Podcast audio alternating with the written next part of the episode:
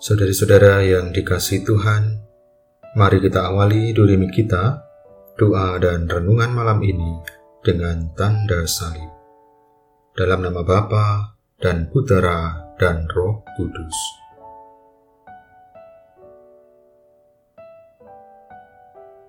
Ada seorang guru yang sering kali mengulang cerita ini bagi anak-anak yang belajar kepadanya. Suatu hari, tiga orang guru saling bertemu di sebuah pasar dan mulai mendiskusikan sesuatu hal.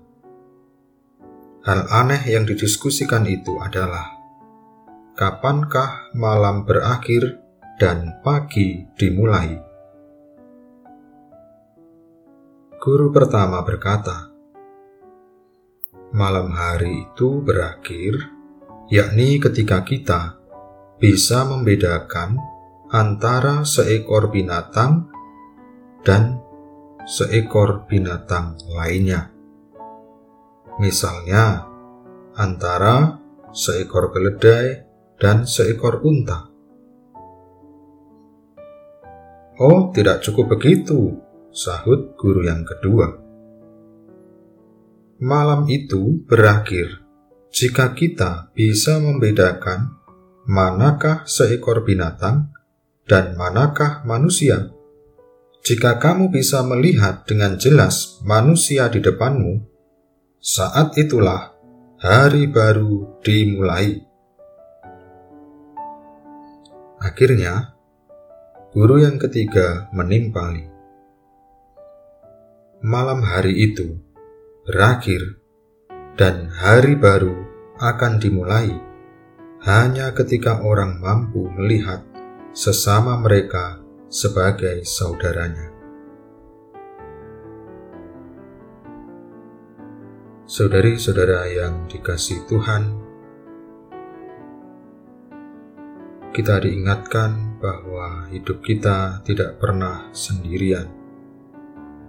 Kita hidup ada bersama dengan saudari-saudara kita yang lain, sesama kita mereka yang ada di sekitar kita, yang kerap kali juga mewarnai kehidupan kita. Kita tidak pernah sendiri di dalam hidup ini, dan hari ini kita diingatkan bahwa kita mesti juga punya kepedulian terhadap orang-orang di sekitar kita Guru yang ketiga mengatakan bahwa hari baru dimulai ketika orang mampu melihat sesama mereka sebagai saudaranya. Dan tidak hanya itu, Tuhan Yesus sendiri juga mengatakan, "Apa pun yang kau lakukan untuk saudaraku yang hina ini, engkau melakukan juga untuk aku."